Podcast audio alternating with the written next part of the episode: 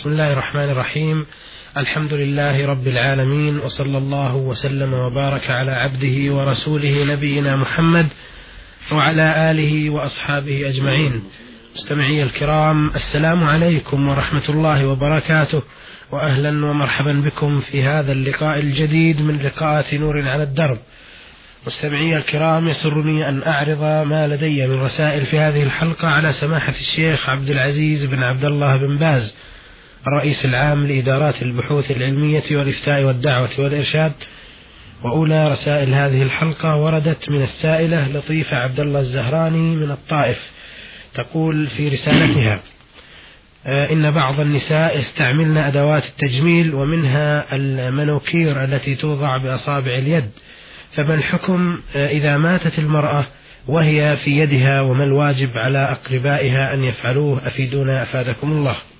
بسم الله الرحمن الرحيم. الحمد لله وصلى الله وسلم على رسول الله وعلى آله وأصحابه ومن اهتدى بهداه. أما بعد فهذه المناكير يجب أن تزال وقت الوضوء وقت الغسل. وهكذا لو ماتت وهي في أصابعها تزال عند غسلها لأنها تمنع فيما بلغنا عنها تمنع وصول الماء إلى الأظفار لأن لها جسم لها سخانة تزال وتحك ولا مانع من ذلك وإن تركتها بالكلية فهو أفضل. فإن الحنة يكفي الحنة في تغيير أصابع يكفي ولا حاجة إلى المناكير التي استعملها الناس أخيرا. تركها أولى وأفضل لأن المرأة قد تنساها وقت الوضوء قد لا تحكها فيكون في هذا ضرر عليها من جهة وضوئها. فالواجب أنها تزال عند الوضوء حتى يصل الماء إلى حال إلى الأظفار إلى الأظفار نفسها. نعم. وبالنسبة لحالة الوفاة؟ كذلك وقت الغسل تزال وقت غسل الميت. نعم. لا بد من إزالته نعم. ولو تركت آه، يعني هل يأثمون بذلك؟ الأمر في الساعة إن شاء الله لكن إزالته أولى وأحوط. وأحوط. نعم. بارك الله فيكم وأثابكم الله. نعم. هذه رسالة من حاميم حاء آه، أخ مصري مقيم بالطائف يقول في رسالته أثناء إذاعة الصلاة على الهواء مباشرة في التلفاز هل يجوز وأنا في بيتي أن أصلي خلف إمام المسجد التي تذاع منه الصلاة؟ أفيدنا أفادكم الله. لا, لا يصلى خلف التلفاز.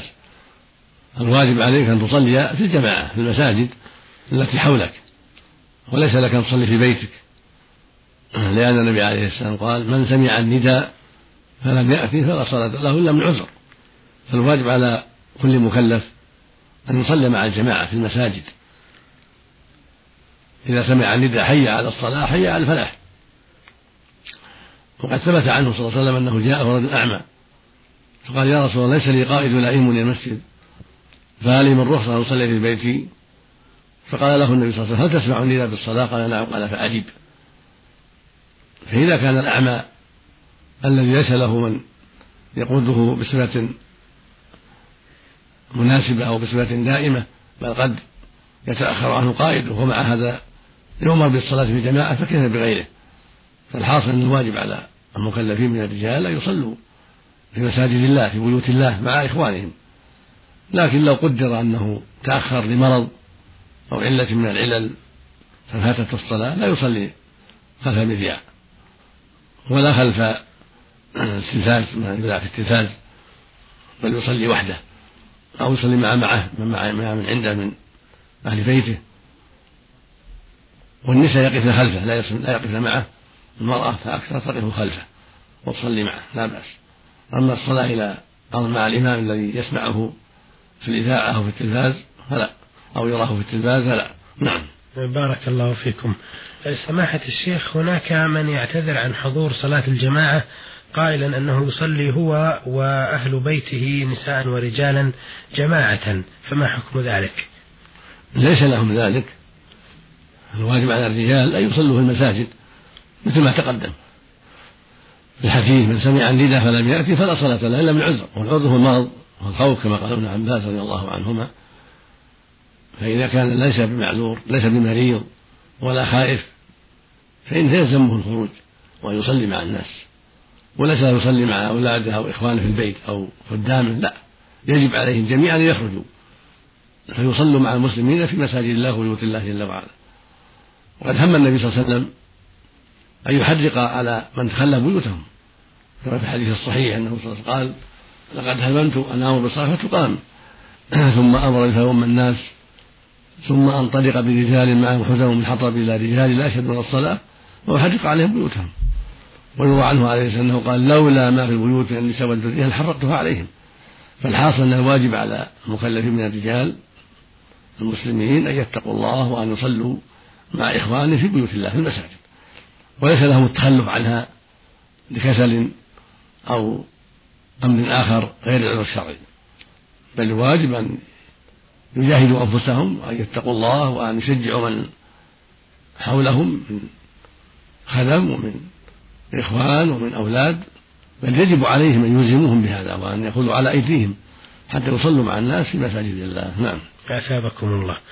آه هذا السائل له سؤال آخر يقول فيه دخلت المسجد وكانت صلاة المغرب قائمة وأنا لم أصلي العصر بعد فهل آه أصلي العصر بعد صلاة المغرب أم أصلي المغرب أولا؟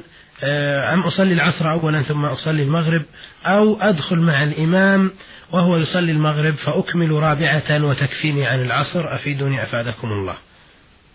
من كان عليه العصر وحضر صلاة المغرب فإنه يصلي معه المغرب ويكملها برابعة في نية العصر ثم يصلي المغرب بعد ذلك وهو معذور على الصحيح في هذه المسألة وإنما زاد رابعة لأن العصر أربع فيسلم فإذا سلم الإمام قام وكمل كالمسبوق وتجزئه وليس له يقدم المغرب عليها لأن الترتيب واجب كونه يرتب الصلوات صلي العصر ثم المغرب ثم العشاء هذا أمر لازم كما فرضها الله سبحانه وتعالى. ولما فاتت النبي صلى الله عليه وسلم الصلوات يوم الأحزاب حتى غابت الشمس بدأ بالعصر وصلاها ثم صلى بعدها المغرب. وفي رواية أنها فاتته الظهر والعصر والمغرب. فصلى الظهر ثم صلى العصر ثم صلى المغرب عليه الصلاة والسلام بعدما غابت الشمس.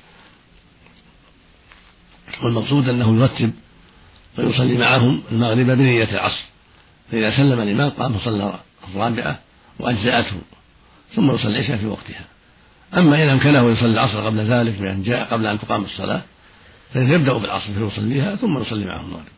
نعم. بارك الله فيكم. له سؤال آخر يقول فيه كنا في مدينة رسول الله صلى الله عليه وسلم وذهبنا للصلاة في المسجد النبوي الشريف ومعنا أخ آه، لنا آه، عنده نوع من التشدد والحرص فقال آه، إنه لا تجوز الصلاة في مسجد فيه قبر فامتنع أن يصلي معنا فأشكل ذلك علينا فنطلب الإيضاح. مسجد الرسول صلى الله عليه وسلم ليس فيه قبر.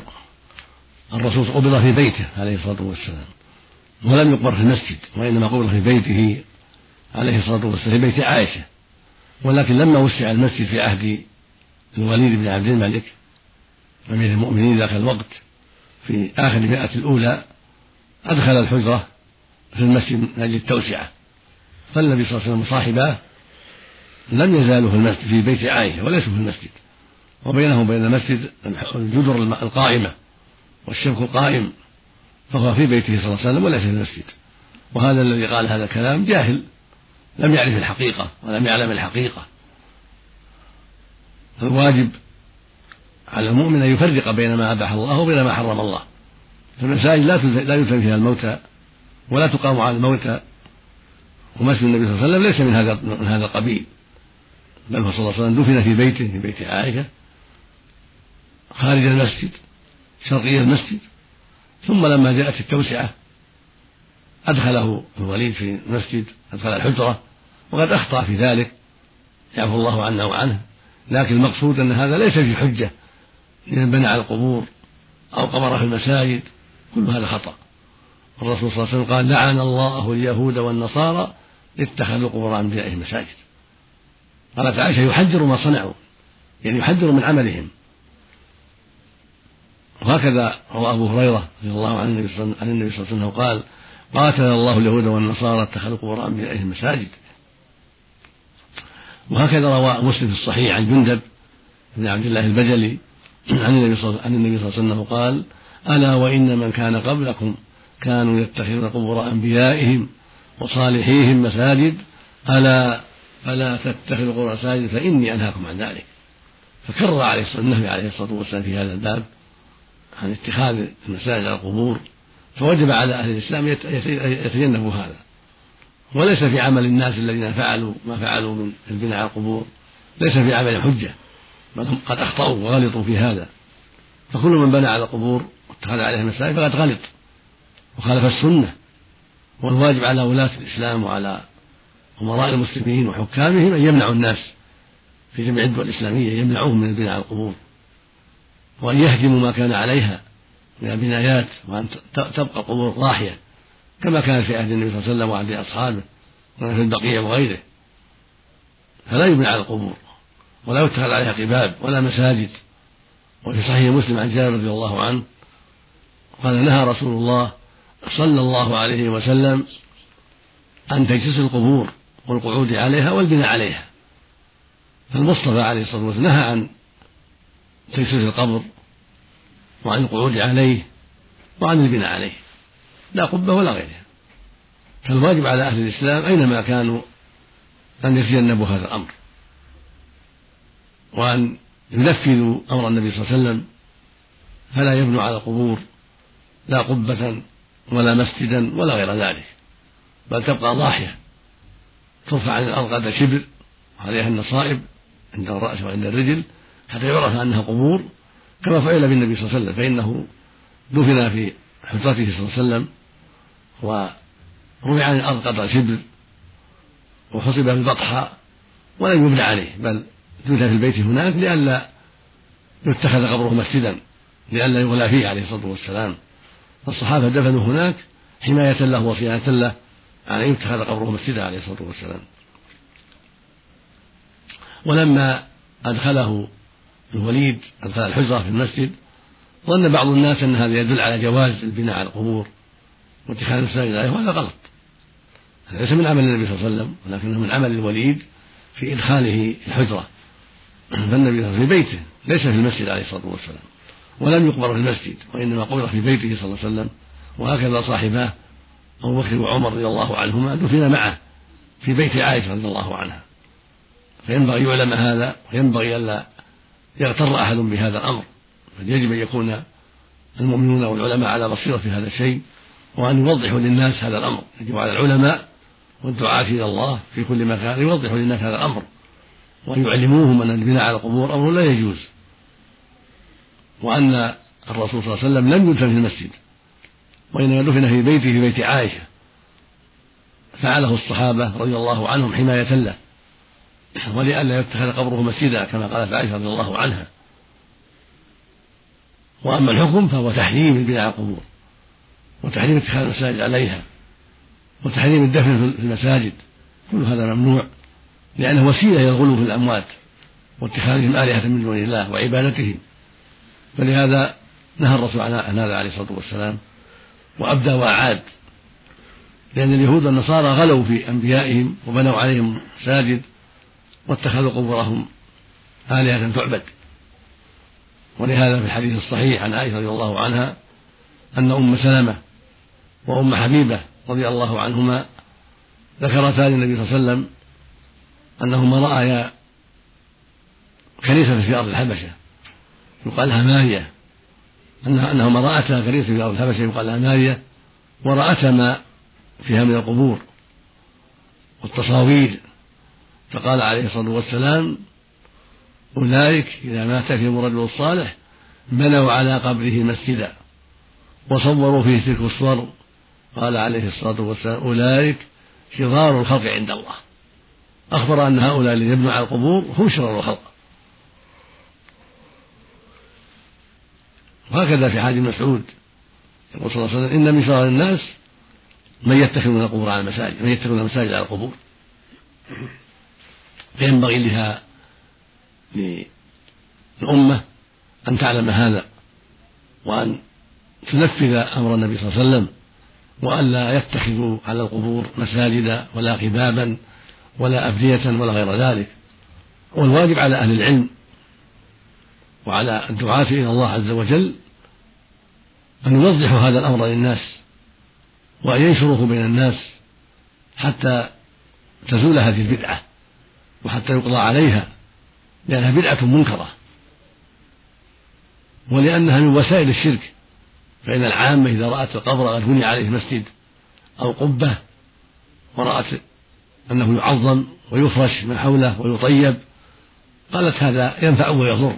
هذا يدعى من دون الله هذا يستغاث به هذا يتبرك به. فوقعت في الشرك بسبب هذه الفتنة وهذه البدعة. وقد قال نبينا عليه الصلاة والسلام إياكم والغلو في الدين فإنما أهلك من كان قبلكم الغلو في الدين. فالغلو هو الزيادة فيما شرع الله. فالبناء على القبور زيادة على ما شرع الله. واتخاذ القباب عليها زيادة على ما شرع الله. واتخاذ المساجد عليها زيادة على ما شرع الله. وغلو فيها. وهذا من وسائل الشرك بها ودعائها من دون الله. والاستغاثة بأهلها. فلهذا حرم الله ذلك ورسوله. فالواجب على ولاة الأمر في بلاد البلاد الإسلامية أن ينتبهوا لهذا الأمر وأن يمنعوا الناس من البناء على القبور واتخاذ المساجد عليها وأن يزيلوا ما لديهم من ذلك حتى يعلم المسلمون ذلك وحتى يسيروا على المنهج الشرعي الذي سار عليه نبينا صلى الله عليه وسلم وسار عليه أصحابه رضي الله عنهم وأتباعهم بإحسان. نسأل الله للجميع الهداية والتوفيق. أثابكم الله وبارك الله فيكم. هذه رسالة وردت إلينا من آه، محمد نصر الدين مصطفى سوداني مقيم باليمن آه، الشمالية مدينة صنعاء. الأخ محمد له عدة أسئلة في رسالته. يقول في أولها له أخت قد طلقها زوجها قبل ثلاث سنوات طلقة واحدة ولهما ابن واحد عمره حوالي تسع سنوات.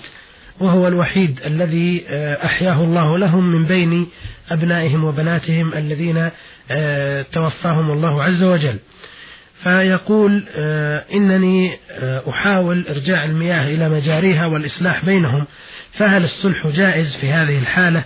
وهل يجوز أن ترجع المرأة إلى عصمة زوجها؟ وكيف يكون الرجوع؟ أفيدوني أفادكم الله. إذا كانت المرأة المذكورة قد طلق طلقة واحد فقط ولم يطلقها أكثر من ذلك فله أن يراجعها ما دامت في العدة. فإن كان قد خرج من العدة جاز له الرجوع إليها بنكاح جديد بشروطه المعتبرة شرعا يعني يخطبها فإذا رضيت زوجها وليها عليه بالمهر الذي يترضيان عليه وهو بحضرة شاهدين أما إن كانت في العدة ما بعد مضى عليها ثلاث حيض بل لا تزال في العدة فإنه يراجعها من دون عقد فيقول اشهد يا فلان وفلان شاهدين أني راجعت زوجتي فلانة يكفي ولا حاجة إلى عقد ما دامت في العدة. إذا كانت تحيض ولم يأتيها ثلاث حيضات فإنها تكون في العدة فيراجعها بدون عقد. وهكذا إن كانت كبيرة السن قد انقطع عنها الحيض فإن عدتها ثلاثة أشهر. فإذا كانت لم تمر عليها الثلاثة راجعها من دون عقد. أما بعد خروجها من العدة فلا بد من عقد جديد.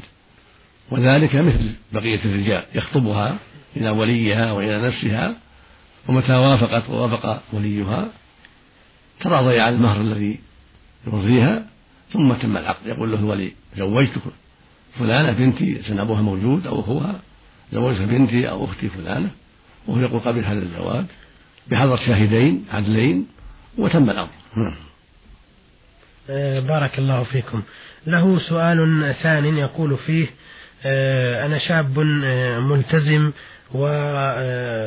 وأؤدي ما أمرني الله به وأجتنب المحرمات قدر استطاعتي لكنني أكثر من الصداقات والعلاقات العامة مع الناس رجالا ونساء وأتحرج الحقيقة في علاقتي مع النساء إلا أن لي صداقات كثيرة معهن وبعد سفري من بلادي لا زلت أواصل علاقتي بأصدقائي رجالا ونساء بالمراسلة وأخشى إن قطعت مراسلتي عن بعضهم يظنون أنني تكبرت عليهم أو تغيرت. فهل علي إثم في ذلك؟ أفيدوني أفادكم الله وكيف أتخلص من هذا؟ أما المصادقة مع الرجال والصحبة مع الرجال الطيبين هذا معلوم لا بأس به. كن يتخذ أصحابا طيبين أهل علم أهل علم أهل عبادة أهل ورع أهل تقوى ليسوا بالعصاة المجاهرين ولكنهم من المعروف بالخير والستر فلا بأس. أما الصدقة مع متجاهلين بالمعاصي ومتساهلين بأمر الله فلا ينبغي اتخاذهم أصدقاء بل ينبغي البعد عنهم والحذر من شرهم حتى لا يجروه إلى معاصيهم. وأما النساء خطرهن كبير إذا كانت الصداقة على دين وتقوى من دين من دون خلوة ومن دون تكشف ولا رؤية لمفاتنهن بل مع الحجاب ومع عدم الخلوة لأنهن أقارب أو لأنهن جيران فيحسن إليهن لفقرهن أو لحاجتهن لبعض المؤونة المعونة على وجه واضح لا شبهة فيه ولا ريبة فيه إما لقرابة وإما لجوار وإما لكونهن من أصدقاء الوالدين أو ما أشبه ذلك. فلا بأس بهذا يصلهم ويحسن إليهم ولو بالمكاتبة. أما إذا كانت الصدقة مع النساء على وجه الريبة أو الخلوة بإحداهن أو المغازلة للطمع في اتصال بها أو ما أشبه ذلك هذا منكر ومحرم ولا يجوز أن يتعاطى هذه الصداقة التي قد توقعه في الفواحش قد تجره إلى ما حرم الله. فالحاصل أن الصداقة إذا كانت على وجه واضح وجه شرعي لا شك فيه ولا ريبة فيه لقرابة منه أو من والديه أو جوار أو فقر وحاجة فيصلها ويكاتبها بالمساعدة لفقرها وحاجتها أو لقرابتها من دون أن يكون هناك بينها بينه وبين المرأة خلوة أو تكشف منها يرى مفاتنها أو يرى وجهها أو نحو ذلك. فهذه الصداقة لا بأس بها من جهة الدين ليصلها أو يحسن إليها أو نحو ذلك. فأما صداقة تجره إلى الفواحش أو إلى الخلوة بالمرأة أو المغازلة معها فيما يتعلق بما بين الرجل وأهله. هذا كله محرم كله منكر لا يجوز. بارك الله فيكم. أخيرا لصاحبنا هذا من السودان محمد نصر الدين يقول خطبت ابنة عمي خطوبة رسمية والخطوبة عندنا تطول كما تعلمون وسافرت وطلبت منها في بعدما سافرت إرسال صورة لها وفعلا أرسلتها إلي. هل علي إثم في ذلك؟ وما هي الكفارة؟ نعم لا يجوز طلب إرسال الصورة. وعليك التوبة إلى الله من هذا الكفارة أن تتوب إلى الله توبة صادقة بالندم على ما فعلت والعزم ألا تعود إلى ذلك وتمزق الصورة. هذا هو الواجب عليه ليس لها أن ترسل لك صورة وليس لك أن ترسل لها صورة. بل لا بأس أن تنظر إليها إذا خطبتها أو أردت خطبتها لا بأس أن تنظر إليها. الرسول صلى الله عليه وسلم أمر بهذا. قال انظر إليها لا تنظر إليها. فالمقصود أن النظر إلى المخطوبة لا بأس من دون خلوة بل بحضرة أبيها أو أمها أو أخيها من دون خلوة. ينظر إلى وجهها وما ظهر منها كأطرافها أو شعرها لا بأس. ولكن ليس له خلوة بها ولا الخروج معها في السيارة كما يفعل بعض الناس مع مخطوبته يتمشى معها في البلد أو في الحدائق هذا منكر. وسيلة إلى الفساد. وإنما ينظر إليها بحضرة وليها أو أمها أو أخيها ونحو ذلك حتى ينظر منها ما يراقبه فيها أو ينفره منها. وليس له أخذ الصورة منها وليس لها أن تطلب صورته. كلاهما ممنوع. نعم. بارك الله فيكم. آه هذه رسالة من ميم حاء قاف آه من الرياض. تقول فيها صاحبتها أنا امرأة متزوجة من رجل لا يصلي. وقد أنجبت منه ولدين وأنا امرأة أنا امرأة أصلي وأحافظ على عبادتي وقد دعوته للصلاة كثيرا إلا أنه كان يرفض ويقول لي إن الدين معاملة وأخلاق وليس حركات ولا ركعات وهو مستقيم في بقية أموره الحياتية. وسؤالي هل بقائي مع هذا الرجل حلال أم حرام؟ علما بأن افتراقي عنه يشتت أولادي ويهدم أسرتي ولكن خوف الله يجعلني أسألكم وأريد أن أعرف حكم الله أفادكم الله. لا يجوز البقاء مع هذا الرجل الذي لا يصلي لأن هذا يدل على قلة دينه أو عدم دينه في الكلية. فالصلاة عمود الإسلام. من تركها عامدا كفر. فالواجب البعد عن هذا وألا تمكنيه من نفسك وأن تذهبي إلى أهلك أو تمنعيه من نفسك بالكلية حتى يتوب إلى الله وحتى يصلي. يقول النبي صلى الله عليه وسلم العهد الذي بيننا وبينهم الصلاة فمن تركها فقد كفر. خرجه الإمام أحمد وأهل السنن بإسناد صحيح عن بريدة رضي الله عنه وروى مسلم في الصحيح عن جابر رضي الله عنه عن النبي صلى الله عليه وسلم قال بين الرجل وبين الكفر والشرك الصلاة فالصلاة هي عمود الإسلام. فمن تركها عامدا كفر والعياذ بالله. أما الناس فيقضي النائم يقضي لكن من تركها عمدا هذا كافر في أصح قولي العلماء. وذهب جمع من أهل العلم إلى أنه لا يكفر بذلك كفرا أكبر بل يكون كفره كفرا أصغر لأن الرسول سماه كافرا عليه الصلاة والسلام ولكنه قول ضعيف قول مرجوح والصواب أنه كفر أكبر. قال عبد الله بن شقيق العقيل رضي الله عنه كان أصحاب النبي صلى الله عليه وسلم لا يرون شيئا تركه كفر من الأعمال إلا الصلاة. فحكى عن الصحابة جميعا أنهم يعتبرون ترك الصلاة كفرا. وظاهر ما نقله عنهم أنهم يعتبرون كفرا أكبر. فالواجب عليك أيها الأخت في الله التخلص من هذا الرجل وعدم تمكينه من نفسك وليس لك أن تبقي معه حتى يتوب إلى الله. وقوله أن الدين معاملة كلام ليس بصحيح. بل المعاملة من الدين حسن المعاملة من الدين ليس هو الدين. الدين حسن المعاملة مع الله ومع عباده. مو بالمعاملة فقط حسن المعاملة وطيب المعاملة. ومن حسن المعاملة أداء الصلاة. فإذا أراد بحسن المعاملة مع الله ومع عباده فلا تكون المعاملة حسنة إلا بأداء فرائض الله وترك محارم الله. فمن ضيع فرائض الله أو ضيع الصلاة أو ركب المحارم فلم يقم بحسن المعاملة ولم يأتي بحسن المعاملة فالدين حسن المعاملة مع الناس في البيع والشراء والاتصال والصحبة ونحو ذلك وحسن المعاملة مع الله بأداء فرائضه ليس مجرد حسن المعاملة مع الناس بس لا بل لا حسن المعاملة مع الله بأداء فرائضه وترك محارمه سبحانه وتعالى. فالواجب عليك تقوى الله وأن تحذري من بقاء عمل الرجل ونسأل الله له الهداية. أما إن جحد وجوبه وقال ما هي واجبة أو استهزأ بالمصلين كفر إجماعا بإجماع المسلمين. إذا استهزأ بالمصلين أو جحد وجوبها كفر إجماعا. نسأل الله العافية. نعم. أثابكم الله. بهذا أيها الإخوة المستمعون الكرام نأتي إلى ختام هذه الحلقة. فنشكر سماحة الشيخ عبد العزيز بن عبد الله بن باز على إجاباته ونشكر لكم حسن متابعتكم وإلى الملتقى بكم بإذن الله تعالى في حلقة قادمة. نستودعكم الله والسلام عليكم ورحمة الله وبركاته.